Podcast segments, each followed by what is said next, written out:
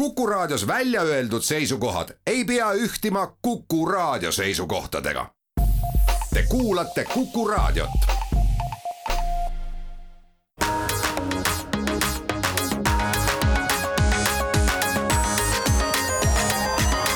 digitund tere hommikust, head Kuku raadio kuulajad, on esmaspäev, kolmas oktoober. stuudios on meil Mait Tafenau, Indrek Vaheoja ja Andrus Raudsalu. Ja Digitunni teises pooles liitub meiega ka Ott Velsberg Majandus- ja Kommunikatsiooniministeeriumist, kellega räägime siis sellest, kuidas on läinud äh, kõne annetamise projektil ja räägime laiemalt keeletehnoloogiast ja riigi rollist siis äh, selliste baastehnoloogiate arendamisel. aga alustame uudistega, kõigepealt ilmselt äh, mõne aja pärast teeme kokkuvõtte siis möödunud nädalal toimunud suurtest tehnoloogiasündmustest, et äh, oli tõeline tehnoloogianädal, kahekümne kaheksandal septembril toimus lausa kolm olulist siis sellist sündmust, et kõigepealt siis alustas Inteli Innovation konverents või siis kus tutvustatakse Inteli uusi tooteid, see kestis küll veel edasi mitu päeva pärast seda ka. Äh, Amazon näitas oma uusi seadmeid ja teenuseid ja, ja toimus siis ka selline ähm, üritus nimega Google Search On, kus siis tutvustati Google'i otsingu äh, uuendusi. Ja esimesel oktoobril, laupäeval siis toimus äh, Tesla äh, ai Day, nii et oli selline tehnoloogia uudistest pakatav nädal ja üritame nendest siis teha ka kiire kokkuvõte teile, aga kõigepealt ka mõned olulised lühiuudised, et nii nagu me tavaliselt alust-, alati alustame Äh, turvauudistest ja noh, enamasti räägime sellest, et äh, tuleks äh, uuendada oma riistvara siis operatsioonisüsteeme, siis nüüd räägime sellest, et tuleks võib-olla uuendada operatsioonisüsteemi oma peas, nimelt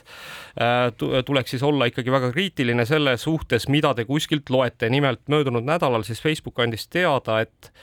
ta likvideeris ühe suure Venemaalt siis juhitud libauudiste võrgustiku, kokku pandi kinni äh, tervelt tuhat kuussada äh, siis libakontot Facebookis. Ja see võrgustik äh, tegeles siis Ukraina sõja ähm, teemaliste libauudiste levitamisega, kusjuures olid siis tehtud terve rida veebisaite järgi, umbes kuuskümmend veebisaiti, mis siis noh, üritasid välja näha nagu legitiimsed uudisteallikad, muuhulgas siis äh, üritasid äh, nii-öelda personeerida ka Guardiani ja Bildi ja Spiegelit mm, ja, ja, ja, ja teisi siukseid tuntud meediaväljaandeid ja levitasid siis äh, kõikvõimalikku liba jama Ukraina sõja kohta, rääkisid sellest, kui halvad on lääne sanktsioonid Venemaa suhtes ja nii edasi. Ja see üldiselt see üritus oli väga hästi äh, koordineeritud, äh, toimus siis info vahetamine seal nii inglise, prantsuse, saksa, itaalia, hispaania keeles, loomulikult ka vene ja ukraina keeles ja, ja, ja siis isegi pärast seda kinnipanemist siis äh, oli tunda, et nad äh, siis needsamad tegelased hakkasid asutama juba uusi lehekülgi. noh, said nii, sama süsteemi edasi kopeerida järgmistesse kohtadesse. just nii, et, äh, nii et siin siinkohal siis kõigile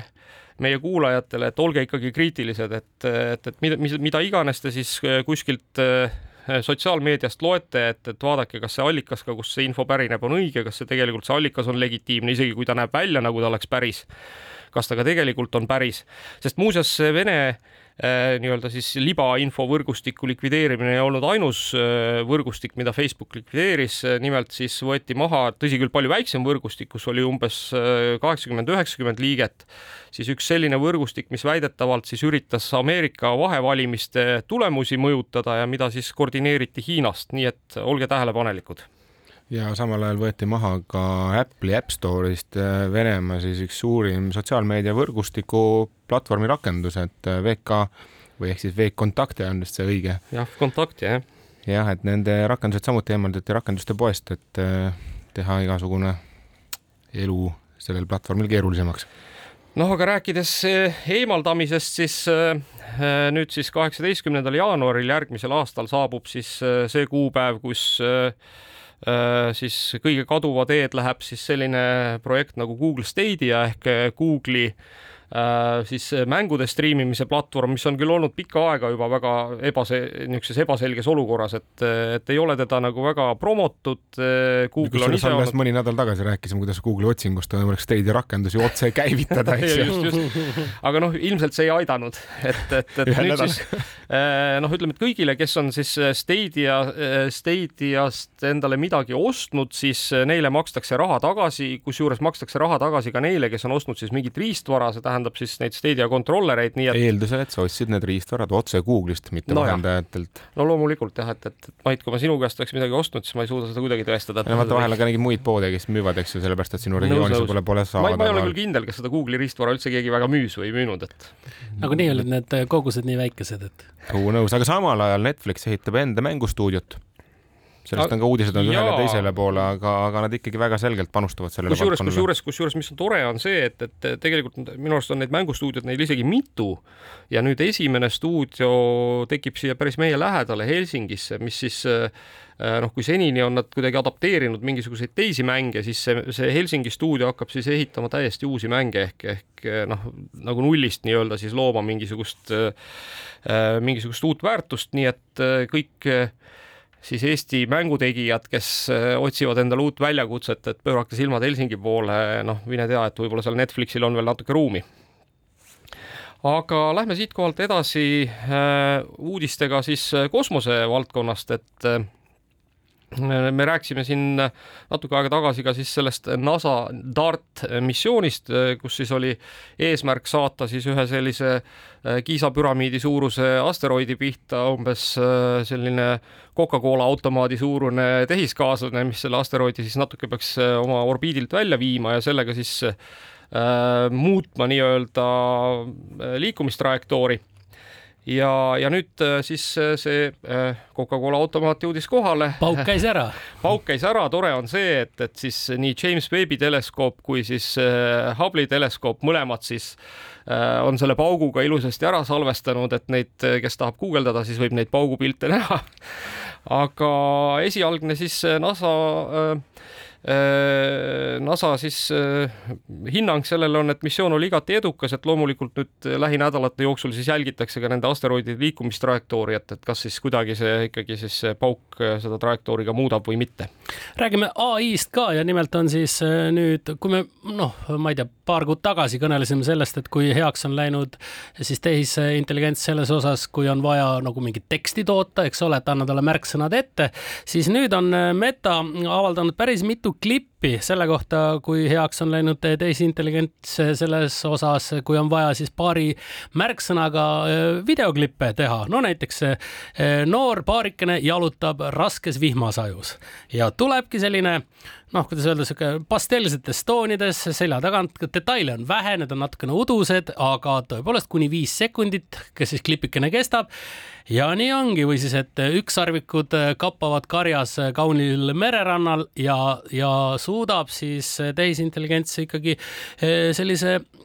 kerge vaevaga võiks öelda klipikese toota, sound'i seal muidugi veel ei ole, et eh, ütleme, soundtrack'i peab ise juurde mõtlema või ümisema, aga ma arvan, et, et ega see ei ole ka eh, liiga kaugel enam, kui siis ka noh, väikse laulukese sinna juurde, noh, seal ei ole palju vaja, eks öelda, romantiline Hispaania laulukene võib-olla sinna taha mõelda ja, ja juba see tulebki. tekib kohe küsimus, et mis järgmiseks, et kui me siiani rääkisime, et kunstigaleriid ja kõik nagu kunstimaailm on ohus, eks ju, siis nüüd on juba Hollywood on löögi all ja ma saan aru ka kirjanikud. ja, jah, et äh, tõepoolest siis äh,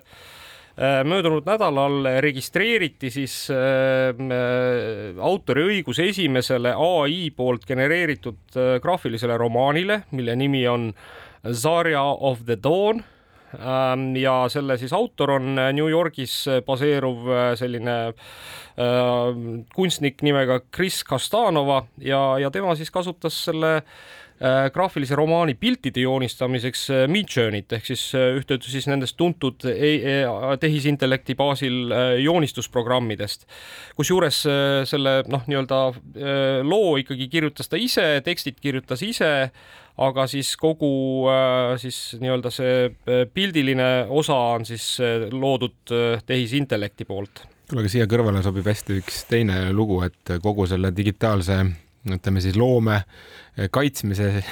võib-olla üks vahenditest NFT, eks on äh, saanud uue väljundi, et oksjonimaja Christie's, tuntud oksjonimaja, eks ju, lansseeris siis uue NFT oksjoni platvormi Christie's kolm nulli. Ja nad ise ütlevad selle kohta, et see on hea koht ka näiteks kõikidele algajatele, kes veidi noh, kardavad seda NFT maailma, ei ole päris kursis sellega, et, et seal eh, noh, peaks olema välistatud igasugused pettused ja kõik muu selline, et, et see on hea koht, hea platvorm alustamiseks, aga muidugi ka suurepärane platvorm eh, spetsialistidele ja, ja siis juba proffidele, eks ole, kus ikkagi samamoodi NFT eh, siis kollektsioone müüki panna. no ja sinna kõrvale veel, et Meta ehk siis Facebook laiendas oma NFT tuge, eks ju, et, et sada, sada pluss riiki on et seni oli võimalik seda kasutada vaid USA-s. ma ei tea, kas äh, teil on mõnda NFT-d, mida sinna oma Facebooki kontole üles panna või mina ei, ma nagu ei suutnud proovida. tagumine aeg, Andrus, nüüd ruttu katsetama. no mul on burning NFT-sid täis, aga ma ei, ei ole, ei ole neile järgi jõudnud praegu minna. aga läheme siitkohalt reklaamipausile ja oleme juba hetke pärast tagasi.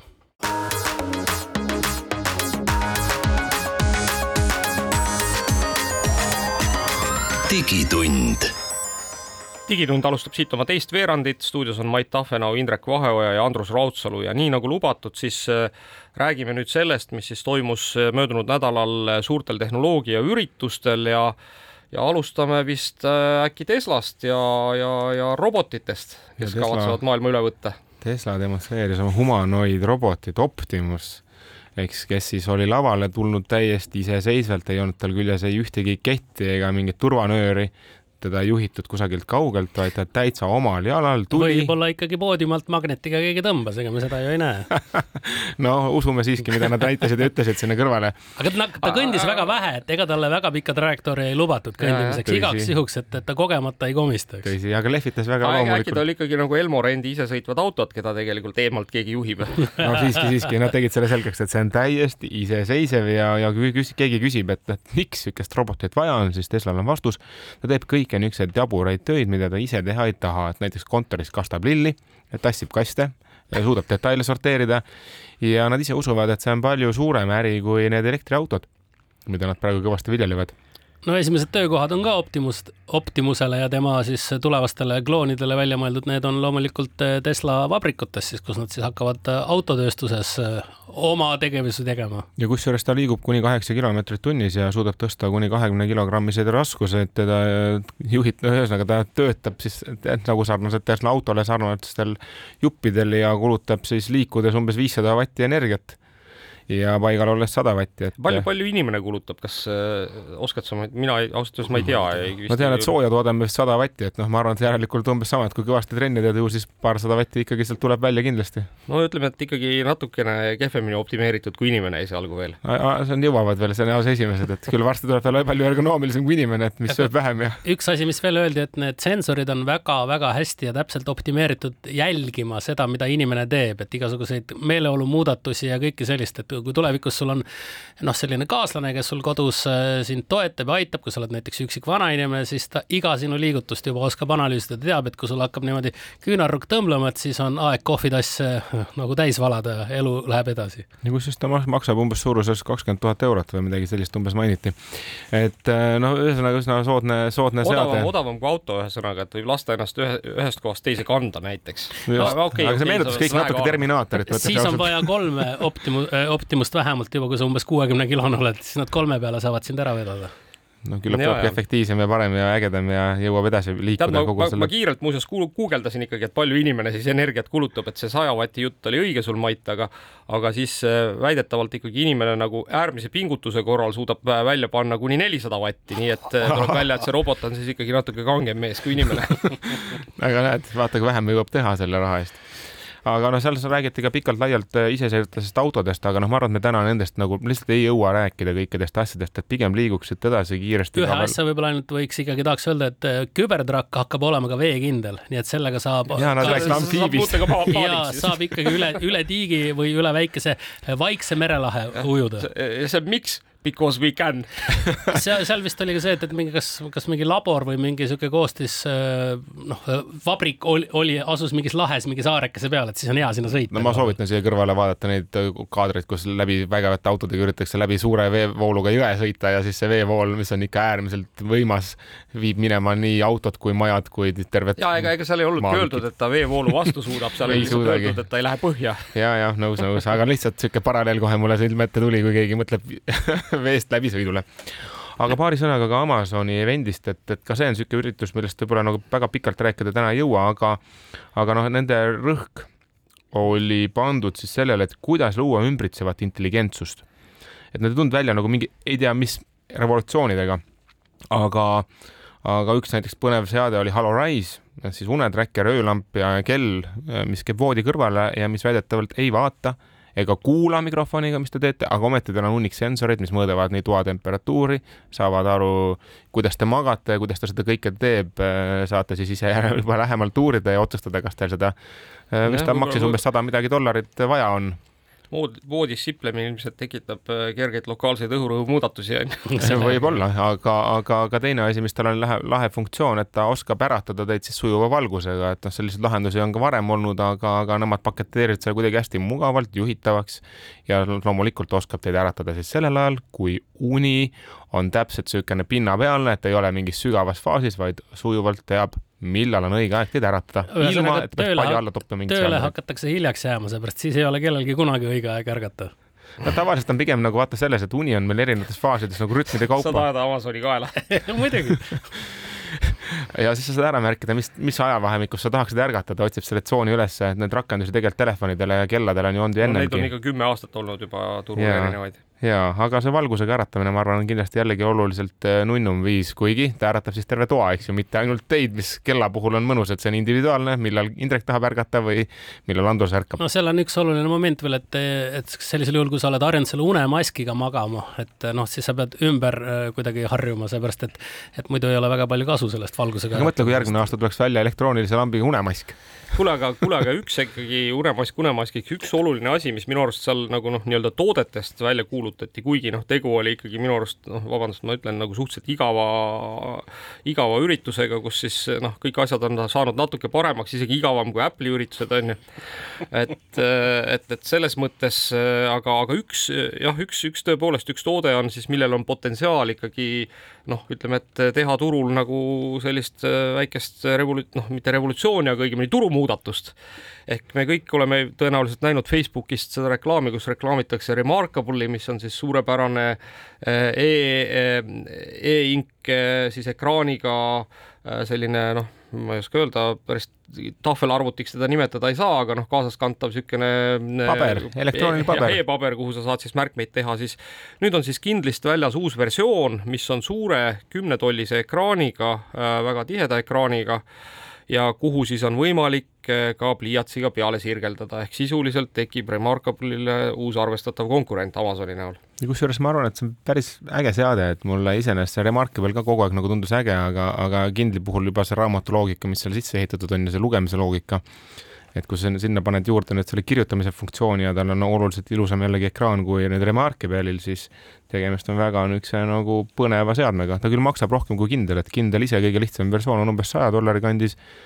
Kindle, Kindle Scribble on umbes kolmsada nelikümmend dollarit, eks, et, et ta on ikkagi jaa, aga noh, suurem, suurem ekraan ja siis äh, Kindle'i see kallim variant on ikkagi ka maksnud üle kahesaja dollari, nii et äh, nii et tegelikult ongi ta selle kallima variandi edasiarendus, et kui vaadata nüüd nagu noh, ükskõik mismoodi seda esteetikat, kuidas ta nagu tehtud on või kuidas ta välja näeb, siis, siis on ta pigem selle kalli Kindle'i edasiarendus kui nagu odava Kindle'i edasiarendus. ma isegi lisaks niisuguse asjaolu sinna, et vaadake, tal on võib-olla küsimuses Scribble'il või Scribble'il jah, Remarkable'il on probleem selles, et noh, tasuline on see sünkroniseerimine ja andmete hoiustamine ja kõik see pool, et, et huvitav, kuidas see kindlasti kõik nüüd olema saab. et noh, see on niisugune võtmekoht tegelikult, ma arvan, sest nad maksavad suht sama palju. aga lähme siit nagu Inteli ürituse juurde edasi, et et Intel ise ütleks, ma ütleks, et konverents nägi välja niisugune Apple'i üritus, mis oli nagu kokku pandud nagu lasteaialaste poolt ja mitte, et laste ja laste lavastused oleks nagu halvad,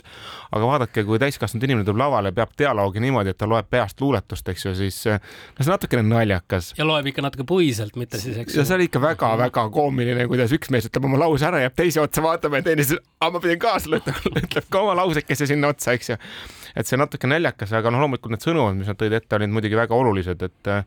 et noh, ma, ma ei hakka rääkima, tulevad uued protsessorid ja, ja meeletu hulk tuumasid ja kuni kuus gigahertsi äh, võimsus, võimsust pannakse kokku, et noh, nende põhisõnum oli selles, et äh,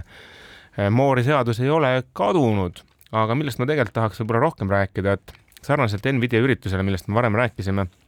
tuleb turule väga palju tehnoloogiaid, mida te ise kodus ei märka, aga, aga mis on mõeldud nagu just nagu tööstusele, kes siis toodab teile kodus olevaid äh, lahendusi, et, et kõik need serveriruumidesse mõeldud graafikaprotsessorid, mis on optimeeritud siis ai äh, toetamiseks, noh ehk siis tehisintellekti toetamiseks. Ja, ja, ja kaks olulist põnevat asja veel, et, et ka koduseeria graafikakaartidele tuleb üks konkurent et kui siiamaani oli Nvidia ja ATI olid siis need kaardid AMD protsessori poolt või toodetud siis graafikakaart, tuleb ka Inteli ARC protsess, graafikakaart,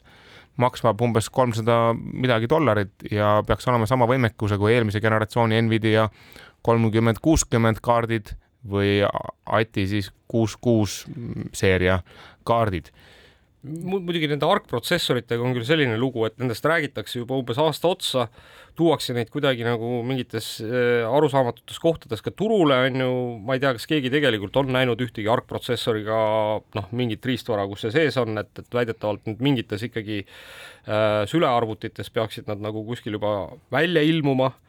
aga, aga noh, tegelikult on noh, ütleme, et ütleme nii, et Intel on ikka seal väga tee alguses, et, et kindlasti, kindlasti. esialgu ta mingit tõsist ohtu ei AMD-le ega Nvidiale ei kujuta endast. aga noh, siiski kindlasti oluline sündmus ja teine lahe asi oli Samsungiga koostöös siis niisugune tahvelarvuti, mis on libistatav, mitte volditav, vaid saad libistada suuremaks ja mulle tõeliselt see tegelikult see demo meeldis ja soovitan kõikidel tehnoloogiahuvilistel selle tund aega Inteli konverentsile kulutada, et panen pärast selle lingi ka meie Facebooki lehele, et minge ja vaadake oli hea. aga meie läheme siitkohalt nüüd reklaamipausile ja oleme siis juba hetke pärast tagasi.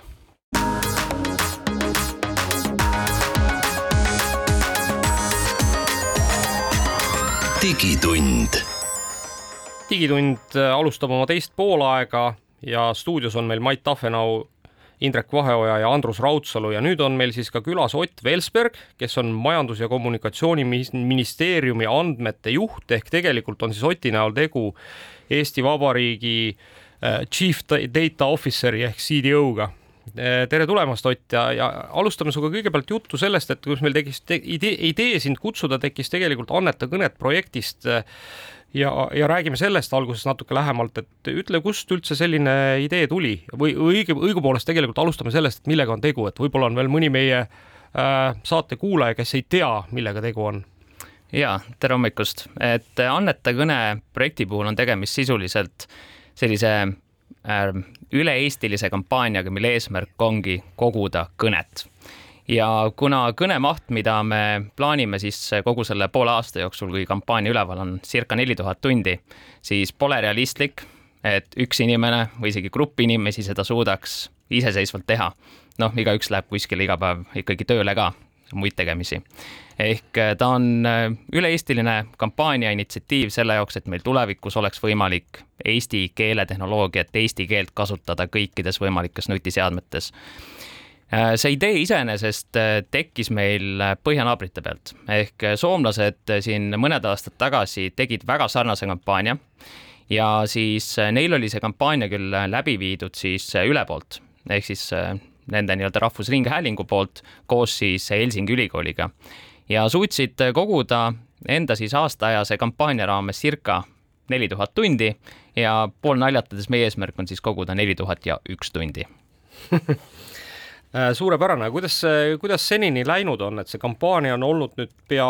kuu aega vist eetris on ju, enam-vähem, et on sul juba mingisuguseid esimesi andmeid ka, et, et, et kas see on ootuspärane laekuvate tundide arv või, või, või, või kuidas, kuidas läinud on? meil plaan oli sisuliselt meediakampaania vaatest, et esimene on selline lainetus ja inimeste teadlikkuse üldse kasvatamine, sest eh, ega eesti keele jätkusuutlikkus, keeletehnoloogia on tegelikult teemana väga paljudele inimestele jätkuvalt täna tegelikult võõras. Eh, meil on tulnud üles selliseid huvitavaid masskõneannetajaid, kes soovivad meile üle anda kakskümmend tundi kolmkümmend tundi kõnet, et äh, mõtleme, kuidas siis äh, sellises suurtes mahtudes kõnesid saame vastu võtta. Äh, muidu üldiselt meil oleks võinud rohkem,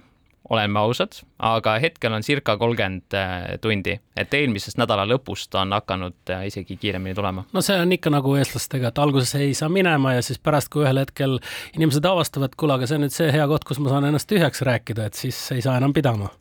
täpselt nii. no ma, ma saan aru, tõenäoliselt ei ole veel teinud analüüsi, et, et, et kui palju seal on, ma ei tea, slängikõnet, kui palju on korralikku teksti, kui palju on naabri sõimamist ja nii edasi me ei ole seda veel vaadanud, aga mis tuleb välja, on see, et inimestele kõige rohkem meeldib Vox Populi, et kui me vaatame ka üle, üleüldiselt laiemalt, et räägi süda lihtsalt tühjaks ükskõik mis teemal, siis see ikka kõnetab inimesi kõige rohkem. noh, siin võib-olla peaks eh, hoopis tegema siis kuidagi mõne äh, äh, usuorganisatsiooniga koostööd, et, et panna nii-öelda pihitool püsti no põhimõtteliselt elu Eestis aga, on selline aga, teema aga, olemas. muidugi pihi, pihi, pihitoolis räägita on saladus, sellest, seda, sellega vist ei saa hiljem tarkvara arendada. kuule, aga, aga räägime nüüd sellest, et okei okay,, et te saate selle neli tuhat äh, tundi kõnet, neli tuhat üks tundi, vabandust, äh, kõnet kätte. Äh, mis sellest edasi saab, et mis sellega siis tegema hakatakse mm -hmm.? võib-olla lihtsalt nendele kuulajatele, kes ei olnud kuulnud Annete kõne kampaaniast, siis leht on üldse annetekõnet.ee kus saab siis äh, väga lihtsasti kõnet annetada. pärast kõne kogumist me transkribeerime kogu selle heli ära, vaatame, et äh, seal ei oleks isikuandmeid väga selgesti, et oleks võimalik isikut tuvastada. kogu see nii-öelda annetamine käib jätkuvalt ikkagi anonüümselt ja siis äh, kogu see materjal läheb tegelikult avaandmetena kõigile kättesaadavaks. ehk kes ei tea, mis see termin avaandmed tähendab, sisuliselt kõigile turuosalistele, sealhulgas erasektor, kodanikud ise, akadeemia, kõik saavad neid andmeid tegelikult piiranguteta kasutada. ja kasutame siis neid samu kõneandmeid ja siis äh, transkribeeritud teksti näiteks kõnetuvastuse edasiarendamiseks. Äh, selle reaalne praktiline väärtus on meil siis äh, näiteks teles kasutatav reaalaja subtiitrite lahendus tulevikus liigume sinnapoole, et tekiks Apple Series, Google Assistant siis eestikeelne tugi ehk äh, tõesti muuta seda nii-öelda teenuste ligipääsetavust paremaks. samal ajal ka kõnesüntees ehk siis vastupidi tekstist äh, hääl. Ja miks mitte seda kasutada, ma ei tea, võtame Elisal oli äh, e-luger, Elisas mujal samamoodi, et siin käis Kindle läbi eelnevalt, et tegelikult sellist nii-öelda ettelugemis audioraamatuid on päris populaarseks läinud ja nõus, muuseas Postimehel on ka, pean mainima siinkohal, et on, on olemas siis selline robot, mis loeb artikleid ette. kusjuures noh, mäletan ise olin selle roboti arendamise juures, naljakas oli see, et et noh, mida pikemalt sa seda robotit äh, õpetasid, seda rohkem talle tekkis soome keele aktsent. Nii et aga, aga tõepoolest, see on äh, oluline, aga ütle, sa mainisid siin ka seda, et, et, et noh, Siris saaks kasutada eesti keelt ja nii edasi, et, et kuidas, milline praegu see olukord üldse on, et kas Eesti riigil on mingisugune üldse jõuõlg, et noh, et, et minna selliste gigantide nagu Google'i või Apple'i juurde või ka Microsofti juurde minu pärast ja noh, öelda, et kuulge, et me tahame, et eesti keel oleks teie opsüsteemides paremini esindatud, me tahame, et, et teeksite seda ja teist. kas, kas see on võimalik või, või on see niisugune soovunelm pigem? see ei ole üldse soov, soovunelm, et meil isegi siin, võtame Microsoftiga, on tegelikult olnud mitu väga suurt sellist koostööprojekti, kus Microsoft on panustanud väga suures mahus enda tippkompetentsi siis riigiga koostööle. kõik need ei ole alati keeletehnoloogiaga seotud mõned on siis äh, ka selline nii-öelda baasplatvormi tasemel, kuidas üldse andmevahetusega seoses, aga üldiselt äh, see huvi on olemas. Äh, meil endal ilmselt, kui me võtamegi näiteks pikemas perspektiivis Google Assistant'i samamoodi Apple Siri vaatest, me peame päris palju ise ära tegema, sest ega nendele suurtele Eesti turuna ei ole sisuliselt mitte miski. Neil on valmisolek panustada ja siin me saame ainult Äh, lihtsalt olla õnnelikud ja tänulikud, et meil on tegelikult selline digiriigi maine ja endal ka võimekus olla heaks koostööpartneriks aga kas meie väiksus ei sea sellist äh, takistust meile ette, et noh, et okei okay,, et suured ei saa piisavalt, äh, ei ole mõistlik piisavalt tähelepanu pöörata eestikeelsele siis tegevusele ja me siin üritame ise noh, piltlikult öeldes põlve otsas seda teha, et, et see nii-öelda ingliskeelne maailm läheb nii kiirelt eest ära, et me oleme ikkagi kuskil nagu minevikus ja selle tõttu meie kasutajad siis ei, ei taha või ei saa seda eestikeelset varianti kasutada mm. -hmm. no tegelikult see anneta kõnet kampaania ja kõik muu avaandmete suunaline tegevus tegelikult toetabki seda, et need suured, nad saavad suhteliselt väikeste vaevaga tegelikult näiteks siis parandada Google Translate või samamoodi siis Microsoft Azure'i äh, nii-öelda siis tõlketarkvara ja seda ongi tänaseni tehtud. ehk me omalt poolt paneme sisuliselt kõik materjalid kokku ja neile läheb see lihtsalt sisendiks. nojah, nad sellist äh, mingit meeletut arendustööd seal tegema ilmselt ei pea, eks ju? Nad sisuliselt äh, natukene sisendini ikka peavad tegema, aga Eesti, Eestil on selles mõttes hästi läinud, et me oleme ikkagi üks Euroopa Liidu äh, nii-öelda keeltest ka, mis jällegi omakorda lükkab meid äh, täna sinna kuskile B-kategooria riikidesse, äh, mis tähendab seda, et kui me võtame, et A-kategoorias kõigile tuntud inglise keel, äh, meil on see prantsuse keel, saksa keel, siis see, et me oleme isegi seal B-kategooria riikides oma miljoni kõnelejaga, no see on ikka kõva sõna. ehk see tähendab seda, et sinna tuleb investeeringud, aga peale seda, et kui sul on saksa, prantsuse, inglise ja nii edasi, hispaania keel kaetud kuule, aga ma huvi pärast veel küsiks nende suurte kohta, et, et noh, mõnes mõttes nagu Google'i ja Microsofti äh, noh, niisugune koostöö aldis, aldisus on nagu arusaadav, eks, et, et nad tahaksid tõenäoliselt müüa ka noh, võib-olla Eesti riigile, aga miks mitte ka Eesti inimestele, eks oma mingisuguseid pilveteenuseid on ju, kõiksuguseid muid asju. nüüd Apple on nagu suhteliselt suletud süsteem olnud pikka aega ja noh, ja tal ei ole ka ühtegi sellist noh, ütleme, et nagu noh, ma ei tea, kas riigistruktuuridele, avalikule sektorile või siis ütleme ka ettevõtetele mõeldud nagu noh, niisugust lahendust on ju, et, et noh, ta ikkagi ennekõike müüb riistvara, et kas Apple on ka nagu võimalik kuidagi lahti muukida või, või kuidas teil üldse Apple'iga läheb? Apple'iga läheb meil kasvavalt järjest paremini, võib öelda, et eh, eks ka need suurtel ettevõtetel üleüldiselt on üheks eesmärgiks eh, võetud toetada näiteks UNESCO eesmärki siis toetada väikekeelte arengut. et eh, rõhuda juba sellele meil sama nii-öelda Eesti maine küsimus, ehk siis teha tõesti ka nende suurettevõtete vaatest innovaatilisi projekte, et kui me võtame meil praegult äh, siis tiimi poolt arendatav äh, bürokraat, mis on siis digiriigi virtuaalne assistent. noh, sellist lähenemist ei ole tehtud mitte üheski teises riigis. ja ka see, kuidas äh, kogu see nii-öelda, et me ei räägi ühest juturobotist, vaid me räägime tegelikult võrgustikust, on ka suund, mida paljud teised suured mõtlevad aga nad ei ole ise täna realiseerinud, tihtilugu on see selline nii-öelda skill'ide tasemel, et või siis läbi teenuse ütlemise näiteks, et äh, hei, ja siis pead ütlema järgmise sõna, siis sa lähed selle teenuse juurde. ehk äh, see, mida me täna teeme, on igatpidi innovaatiline isegi suurettevõtete jaoks ja sealt tekib see koostöökoht. kas, kas, kas see tegelikult tähendab seda, et Eesti muutub nagu mingisuguseks selliseks noh, nii-öelda test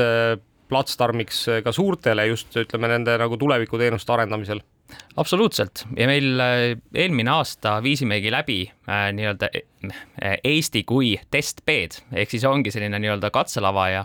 üle saja ettevõtte. Tegelikult äh, tulid oma erinevate teenustega välja, mida siis äh, pakuvad riigile tasuta selle jaoks, et just valideerida, kas sellised teenused üldse töötavad.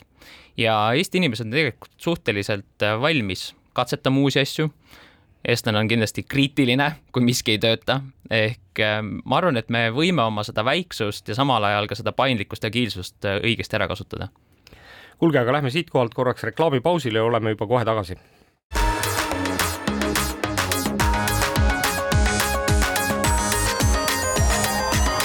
digitund digitund jätkab oma neljanda veerandiga. digitunnil on külas Ott Velsberg kes on Eesti riigi Chief Data Officer ehk CDO ja Otiga räägime siis sellest, et eh, kuidas riik saab toetada kõikvõimalike tarkvaraplatvormide loomist selleks, et siis eh, eesti keel, aga miks mitte ka võib-olla laiemalt mingisugused eh, ägedad innovaatilised lahendused Eestis saaksid tekkida ja, ja areneda. Ott, kuule, kas kõik need suured Microsoft ja Google ja Facebook ja, ja, ja Apple ja kõik, kes nagu toodavad mingisuguseid olulisi materjale, et, et kas nad kõik tahavad nagu arendada ise oma kogu oma seda tehnoloogiapagasit, kus nad keeltega töötavad, või see on koht, kus tegelikult ikkagi riikidega toimub koostöö ja me saame ise nagu anda midagi juurde selle jaoks, et meie keel oleks seal esindatud hästi? see kõik toimub koostöös tegelikult, et nii nagu ma ennem ka mainisin, siis näiteks kõneandmete osas anname väga aktiivselt, võtame ühendust, jagame, see on tegelikult lõpuks sisendina. samamoodi need suured ka on valmis kasutama juba loodut. ja siin ongi meil riigina ka väga konkreetne strateegiline suunis, ehk kõik, mida me avaliku raha eest arendame, on avatud lähtekoodiga. saavad kõik kasutada. tegeleme ka dokeriseerimisega ja nii edasi, et no sisuliselt muudame kõigile erasektori osapooltele taaskasutuse. võimalikult või, mugavaks. võimalikult mugavaks, võimalikult lihtsaks, ehk siis avatud lähenemine kõige talus kuule, aga siin on väga huvitav, et, et, et nüüd võib-olla lähemegi sellest natuke eemale, sellest äh, anneta kõnet projektist ja, ja, ja räägime sinuga siis kui chief data officer'iga üldisemalt, et et äh, ütle, palju meil täna on selliseid andmekogusid riigis üldse, mida siis äh, erasektorile pakutakse, mis, mis mingisugust väärtust võimaldavad luua? Kui me vaatame võib-olla andmekogudest, lähme korraks kaugemale, siis täna avaandmetena on kättesaadav circa tuhat kuussada andmestikku. Taustaks, kes ei ole nii-öelda pingsalt valdkonnas sees olnud, selle aasta alguses oli veel umbes seitsesada. Ehk ja kui me lähme siit veel paar aastat tagasi, siis oli üldse neid nelikümmend andmestikku. Ja me olime Euroopas tagantpoolt eelviimased. Ehk me ei olnud üldse ühtegi pidi avatud. Äh, täna me oleme Euroopas tegelikult eesrindlikud ehk äh, meil valdkonnas kõik saavad aru, koostöö on kõige alus. Äh, kui me vaatame neid riiklikke andmekogusi, siin on oluline just seda sisse tuua, et avaandmed on üks osa. suurem kasu tihtilugu tuleb ka nendest andmekogudest, kus on isikuandmeid me oleme vaadanud täna, et circa sada viiskümmend andmekogu on sellist, mis on meie vaates kriitilised ja olulised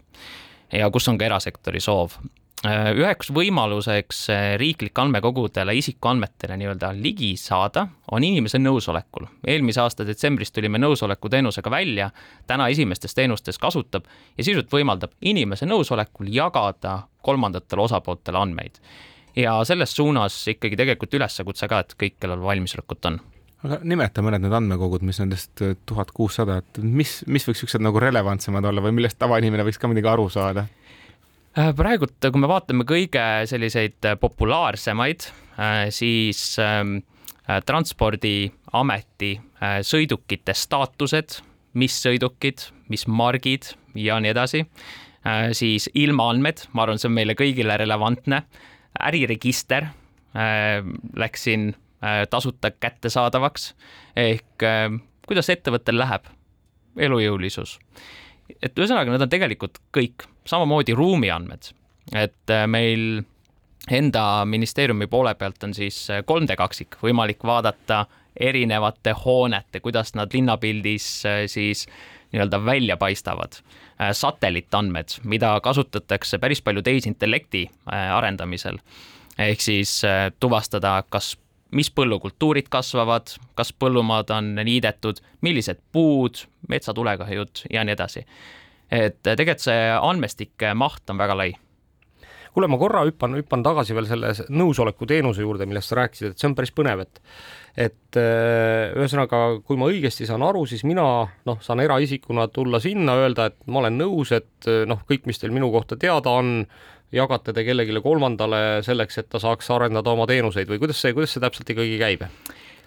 võib-olla jah, kaks sammu tagasi astuda, siis äh, nõusolek peab olema konkreetne,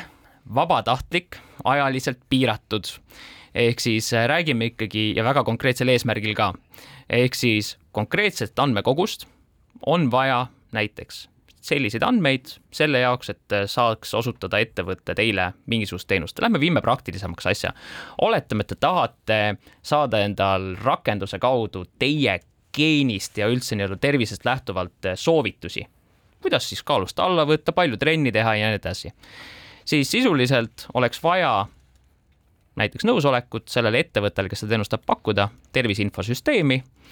ja andmekoosseis oleks siis konkreetne mm. -hmm ja selleks, et sellist teenust avada, et kodanik saaks seda nõusolekut anda, siis on vaja sellel ettevõttel kõigepealt võtta ühendust siis konkreetselt äh, siis TEHIK-uga, kes siis äh, TEHIK-u nii-öelda tervise infosüsteemi valitud töötleja on mm. -hmm. aga kuidas see, kuidas see praegu on, et ühesõnaga äh, mingit sellist portaali ikkagi olemas ei ole, eks, kuhu ma saan minna ja öelda, et ma olen nõus, et noh, mulle, ma ei tea, et selliseid ja selliseid ja selliseid andmeid minu kohta saab töödelda? on ikka,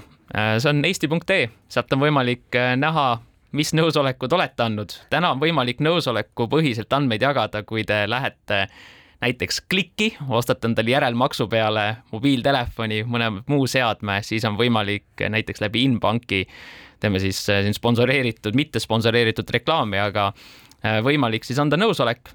ja saate oluliselt kiiremini vastused, kas saate laenu või mitte. ja Eesti.ee-st saate hallata ja samamoodi näeb tegelikult Eesti.ee-s ära ka, kes teie andmeid töötleb ja millistel eesmärkidel. selle nimi on meil siis andmejälgija kõlab nagu see elundidoonori projekt, kus ma saan anda nõusoleku, et kui midagi juhtub, siis on võimalik minu kehaosa kasutada kellegi teise päästmiseks ja aga, aga see on tegelikult päris huvitav, aga lähme siit edasi, tege-, üks asi, millest me siin ennem kui mikrofonid kinni olid, ka nagu põgusalt omavahel rääkisime, on nüüd niisugune laiem riigi andmete strateegia noh, ma ei tea, dokumendi, visiooni kokkupanek, et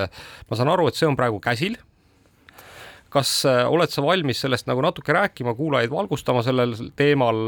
mis need nagu põhis, põhilised olulised suundumused seal on või, või on veel liiga vara sellest rääkida? Ei, selles mõttes, et äh, taustaks ikka, et äh, meil praegult on käsil jah, siis äh, esimese riikliku andmestrateegia koostamine, mis vaatab siis tulevikku ette viis aastat. ja ta on osa siis meil laiemalt siis digiühiskonna arengukava nii-öelda kitsam strateegia dokument. Meil on täna olemas väga konkreetsed tegevuskavad, näiteks tehisintellekti suunal, mis on kaheaastane, kui me siin varasemalt rääkisime keeletehnoloogiast, siis on kolmeaastane vaade tegevustele. meil on andmehalduse, avaandmete ehk meil täna on väga tugevalt selline nii-öelda lähiaastate vaade, kuhu me liigume. meil on muidugi olemas ka laiem visioon, aga siis strateegia vaatest tulebki tervikkatusena ehk kuhu me riigina tervikuna üle kõigi haldusala teemade, sealhulgas ka erasektori Äh, laiemalt äh, näiteks inimeste andmekirjaoskuse parandamisega seotud küsimused ehk kuidas me riigina laiemalt saame toetada andmemajandust ehk siis andmete laiemat, suuremal määral kasutamist. see on see üks väga suur fookus ütle, kas, kas noh, ma ei tea, kas sarnased dokumendid või sarnased äh, mingisugused mõtted kuskil ka maailma teistes riikides keerlevad inimeste peades või on juba jõudnud kuhugi paberile või on Eesti selles suhtes pioneeride hulgas?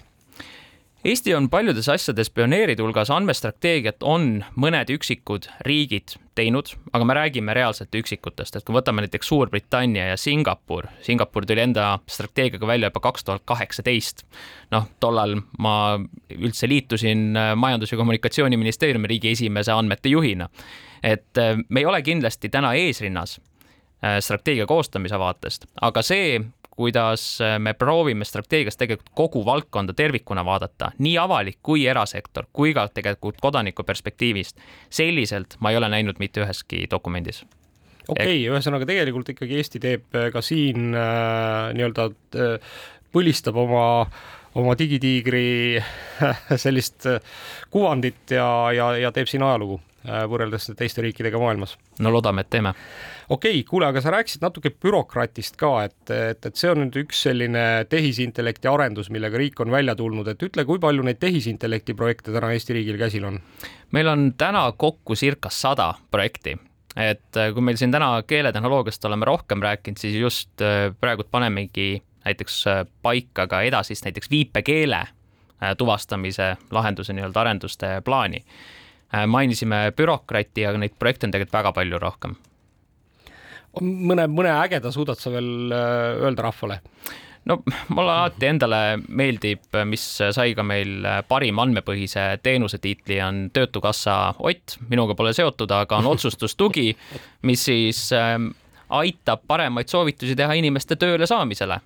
Ehk millised koolitused sobivad ja läbi selle tõsta inimeste palgataset, äh, tööandjad on üldiselt nende inimestega, kes sinna töökohtadele soovitatakse rahul, ehk inimesed püsivad tööl kauem. Okei okay,, kuule, aga nüüd ma läheneks veel sellele asjale hoopis teisest nurgast, et ma olen täna mingisugune tarkvaraarendaja, ma olen äh, noh, ütleme, et äh, tahaksin teha kuidagi, kas siis ligi saada nendele riik, riiklikele andmekogudele, tahaksin mingit koostööd teha, tahaksin, noh, olen mõelnud välja mingi uue ägeda asja. Tahaksin arutada, et, et kuidas seda saab riigiga koos arendada, et kuhu ma peaksin pöörduma? Võib ju alustuseks minuga ühendust võtta. Et, et me oleme koostööst väga huvitatud, oleme ühesõnaga kogu, kogu lähenemine tarkvaraarendus on ka meil avatud täielikult, et selles mõttes, kellel huvi on, võtke ühendust, absoluutselt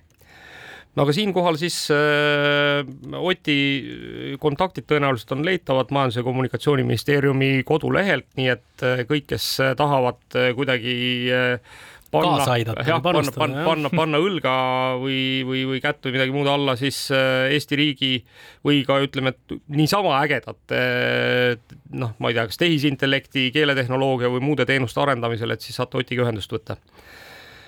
nii, aga, aga kuule, lõpetuseks veel võib-olla sellest, et, et ütle, ütle, kas äh, nüüd äh, kui nagu noh, kuidas sa, sinu enda tunnetus, et kui lihtne on olnud see kogu see tegevus, et, et noh, sa oled ju põhimõtteliselt üritanud nagu noh, ütle sellist noh, nagu noh, tavaliselt traditsiooniliselt kinnist masinavärki muuta lahtiseks, eks tuua nagu kõvasti äh, Äh, turule andmeid, mida noh, võib-olla ütleme, et enamasti on nagu kuskil hoitud kinnistes, kinnistes serverites, kinnistes kohtades, et kas see on olnud üks selline raske töö, nende Augeias tallide puhastamine või on, on pigem nagu kõik sellest aru saanud ja see on läinud kergesti? ta ei ole alati olnud lihtne ja kerge, eks on olnud solvumisi, on olnud pettumust mõned, mõned andmekogude puhul oleme rääkinud kolmest-neljast aastast, aga tegelikult see teadlikkus on tulnud ja seda teadlikkuse küsimus on ikkagi inimeste oskustest ja teadmistes, et äh, lihtsalt inimesed ei oska ja ei ole varem mõelnud. Äh, me praegult ise käivitame ka sellist suunda nagu privaatsust säilitavat tehnoloogiat ehk mõelda ka võib-olla mitte alati selle peale, et avalikustama andmeid, vaid kuidas oleks võimalik erinevate osapoolte vahel töödelda andmeid selliselt, et äh, privaatsus, andmekaitse oleks tagatud. ehk äh, ka meil selles ja erinevates teistes suundades, ega seda kogemust ei ole ei meil ega mujal ja siin ma olen visanud alati sellise hulljulge mõtte, et kui me paari aasta pärast suudame näiteks kõigi rahvastikuregister, kõigi inimeste andmed avalikustada siis avaandmetena niimoodi, et minu kohta näiteks info ei ole sealt tuvastatav, aga kõik oluline info, kes tahab teenust selle peale luua, on olemas, siis oleks super. või võtame kõik pangaülekanded terves Eestis kuulge, aga see on, see on super äge koht, kus lõpetada. meie saateaeg hakkab otsa saama, Ott, ma tõesti siin virtuaalselt surun su kätt üle laua, onju. sest et äh, sellist ägedat asja tihti ei kuule, kus riik teeb tõepoolest äh, ja omab ka selget visiooni selleks, et, et kuidas asju edasi arendada tulevikus ja nii, et sellest kõigist, kõigil meil sellest kasu oleks, nii et äh, soovime sulle jõudu ja kuulajatega kohtume juba nädala pärast.